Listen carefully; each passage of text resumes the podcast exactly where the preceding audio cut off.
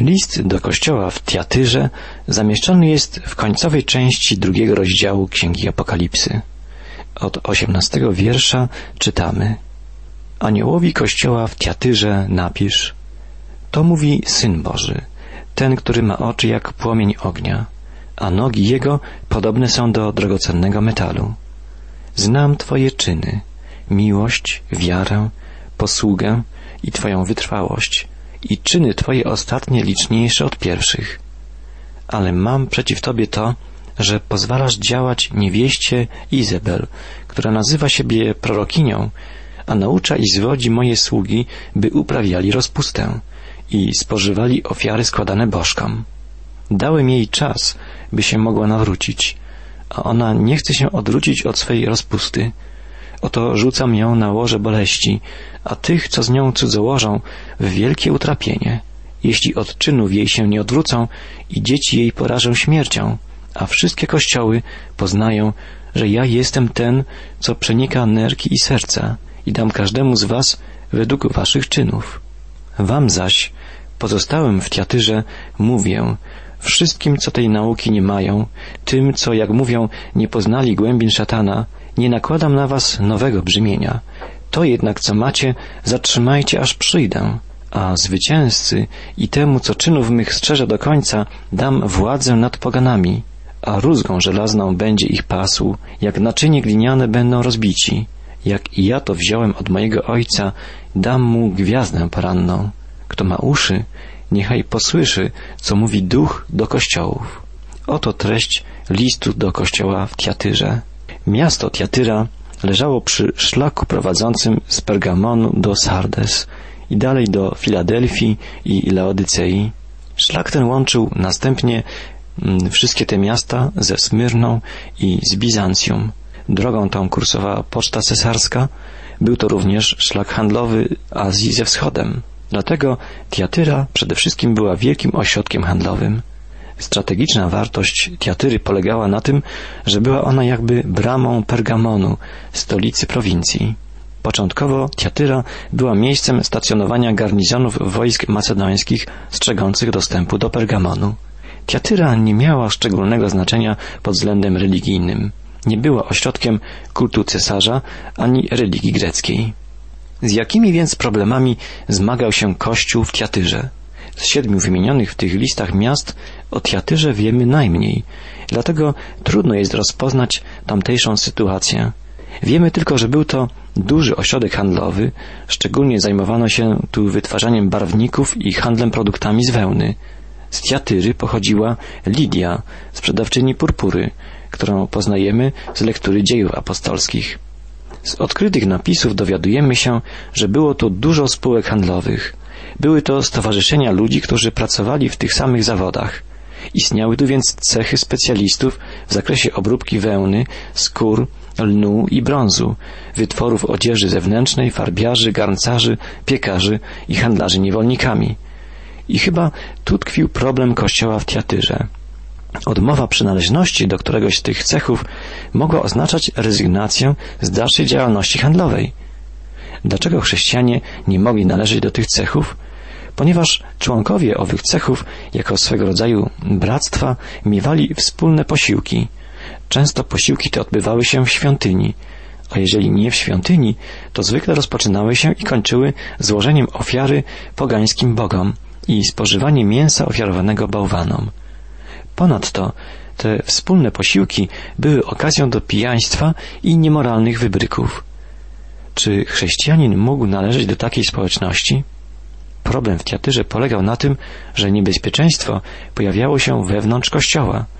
Pod przewodnictwem kobiety, której nadano symbolicznie prawdopodobnie imię Izabel, pojawił się silny ruch, który w dziedzinie interesów handlowych dążył do kompromisu ze światem. Duch Święty miał zachować ich od wszelkich szkód w tej dziedzinie, a więc odpowiedź zmartwychwstałego Chrystusa jest jednoznaczna. Chrześcijanin nie może mieć nic wspólnego z tego rodzaju sprawami. Spróbujmy odpowiedzieć najpierw na cztery pytania. Jaka była sytuacja Kościoła w Tiatyrze? Kim była Izabel? Czego nauczała? I co oznaczają obietnice dane Kościołowi w Tiatyrze? List rozpoczyna się opisem postaci zmartwychwstałego Chrystusa. W tym opisie zawarta jest groźba. Jego oczy są podobne do płomienia ognia, a nogi do mosiądzu.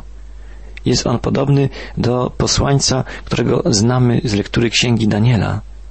Oblicze jego jaśniało jak błyskawica, a oczy jego jak pochodnie płonące. Ramiona i nogi jego błyszczały jak miedź wypolerowana. Czytamy w księdze Daniela. Płomienne oczy mogą oznaczać wybuch gniewu przeciwko grzechowi, jak również wzrok przeszywający człowieka do głębi i obnażający prawdziwy stan jego serca. Mosiężne nogi są dowodem niewzruszonej mocy zmartwychwstałego Chrystusa. Tak rozpoczynające się poselstwo na pewno nie będzie środkiem uspokajającym. Następnie list wyraża najwyższe uznanie dla miłości, wiary i wytrwałości Kościoła w Tiatyrze. Zwróćmy uwagę na związki tych wartości. Służba wynika z miłości, a wytrwałość jest skutkiem wiary. Potem następuje potępienie kobiety Izabel, jej postępowania i nauczania. Trudno zaprzeczyć, że kobieta ta musiała być bardzo wpływową osobą w tym kościele. Nasuwa się nieodparty wniosek. Na zewnątrz kościół w Tiatyrze wydawał się być silnym i dobrze rozwijającym się.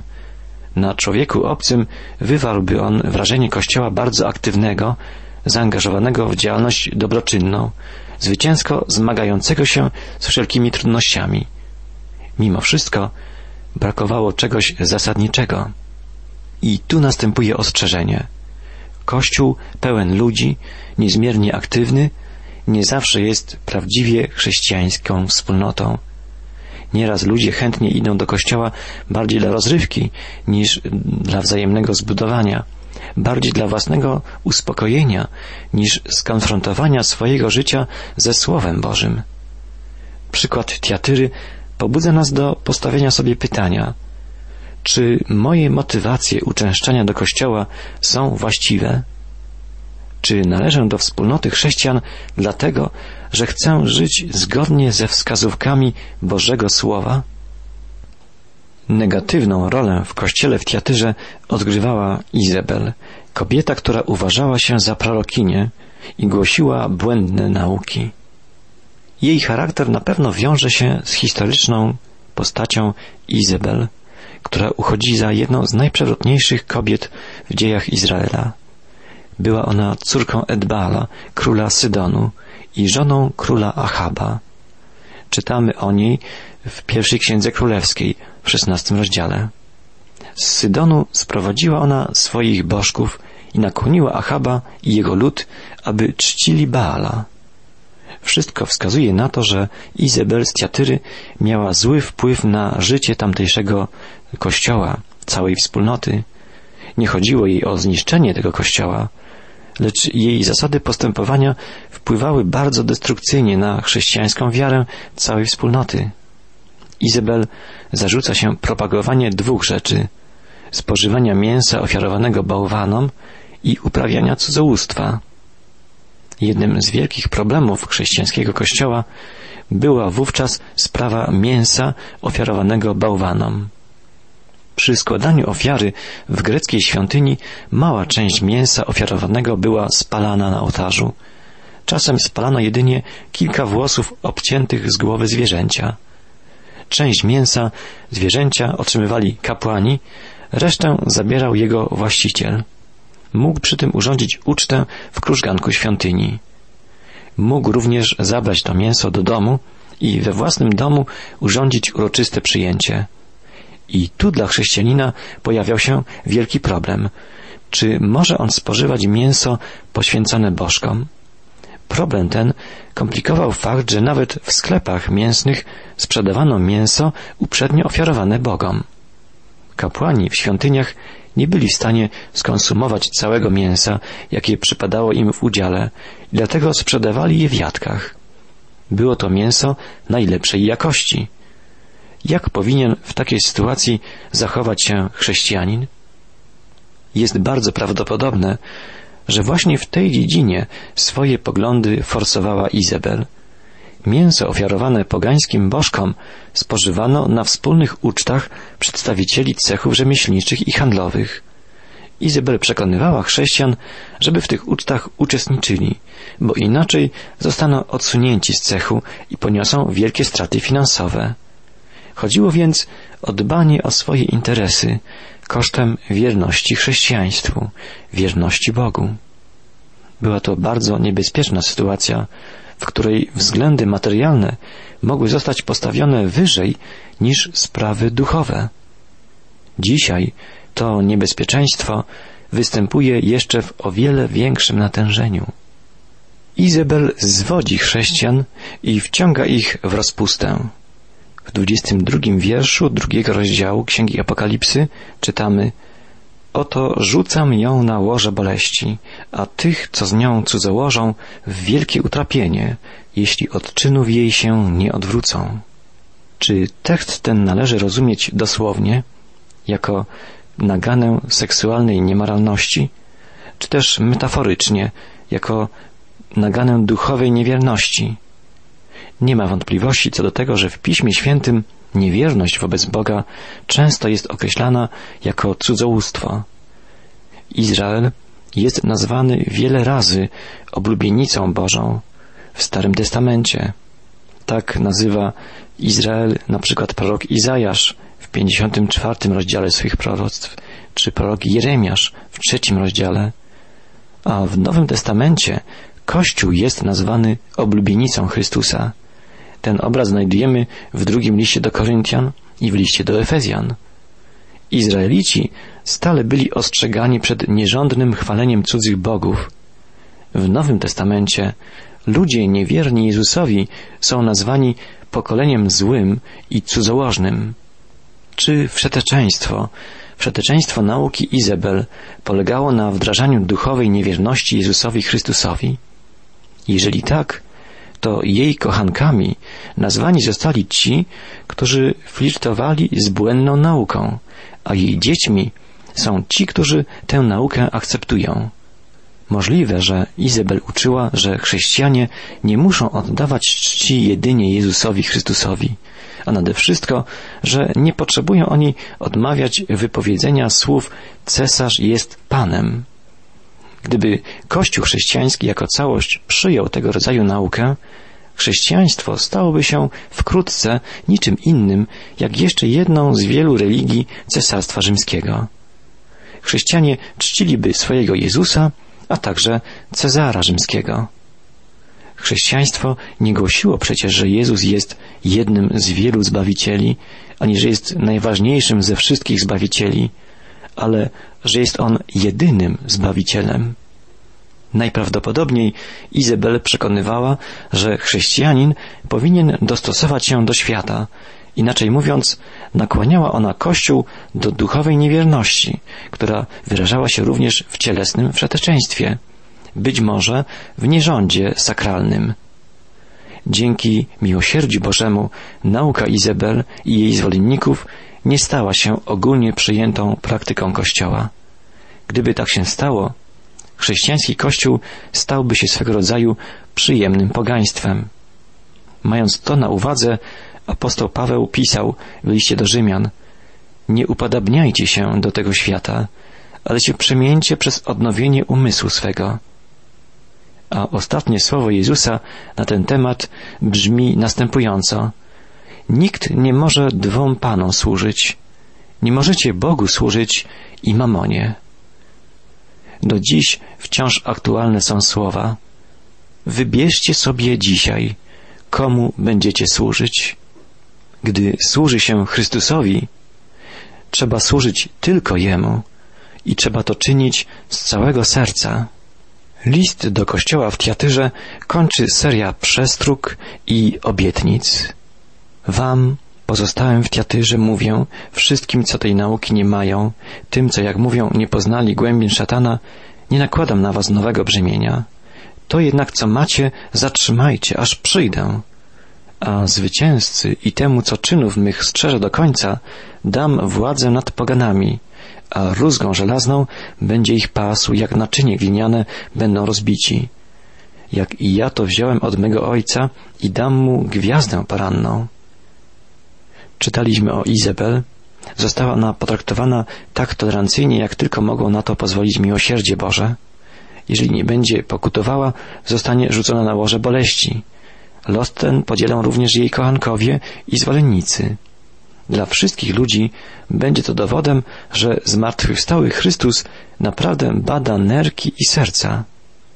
Wyrażenie to zostało zaczerpnięte z proroctw Jeremiasza. Hebrajska psychologia twierdziła, że miejscem uczuć są nerki i dolna część wnętrzności, a ośrodkiem myśli jest serce. Gdy zmartwychwstały Chrystus powiada o badaniu nerek i serca, oznacza to, że każdy odruch uczucia i myśli człowieka nie uchodzi jego uwadze. Zatrzymajmy się tu na chwilę. Jak już mówiliśmy, na pierwszy rzut oka Kościół w Tiatyrze wydawał się być pełen życia i dobrych uczynków.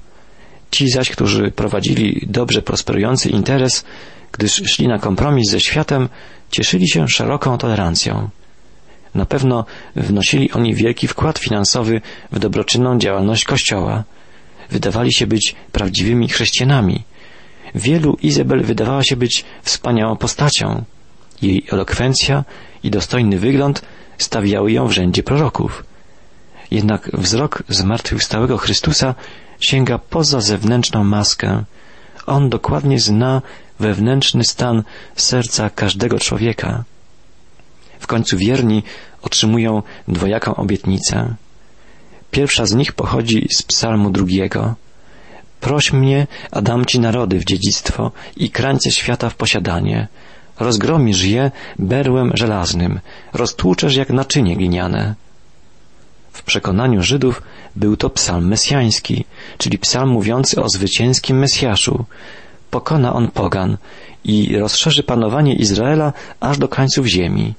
Słowa tego psalmu są również wielkim natchnieniem dla misjonarzy Kościoła. Wielu z nich opiera się na obietnicy Bożej Proś mnie, a dam Ci narody w dziedzictwo.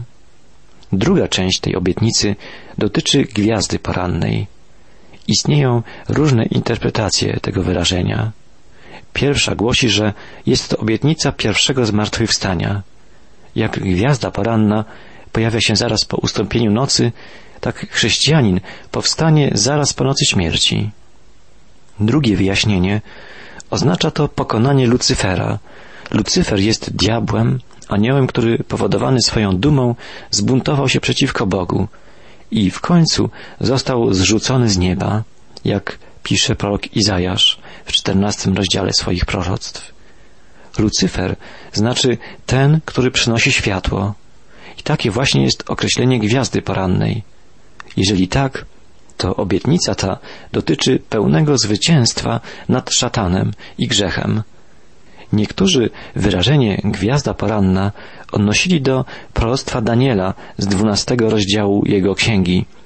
Lecz roztropni jaśnieć będą jak jasność na sklepieniu niebieskim, a ci, którzy wielu wiodą do sprawiedliwości, jak gwiazdy na wieki wieczne. Jeżeli tak, to gwiazda poranna jest chwałą, która będzie udziałem sprawiedliwych i pomagających innym iść drogą sprawiedliwości. Wszystkie te obrazy są bardzo piękne i rzeczywiście może do, mogą dotyczyć one owej obietnicy o gwieździe porannej. Jednak prawdopodobnie właściwa interpretacja jest następująca. W objawieniu sam Jezus nazywa siebie gwiazdą jasną poranną. Czytamy o tym w końcowej części Księgi Apokalipsy w 22 rozdziale. Obietnica gwiazdy porannej jest więc obietnicą obecności samego Chrystusa. Jeżeli chrześcijanin do końca swego życia pozostanie wierny, sam Chrystus będzie jego działem, którego nigdy nie utraci. Jest to wspaniała obietnica dla każdego, kto dochowa wierności Chrystusowi.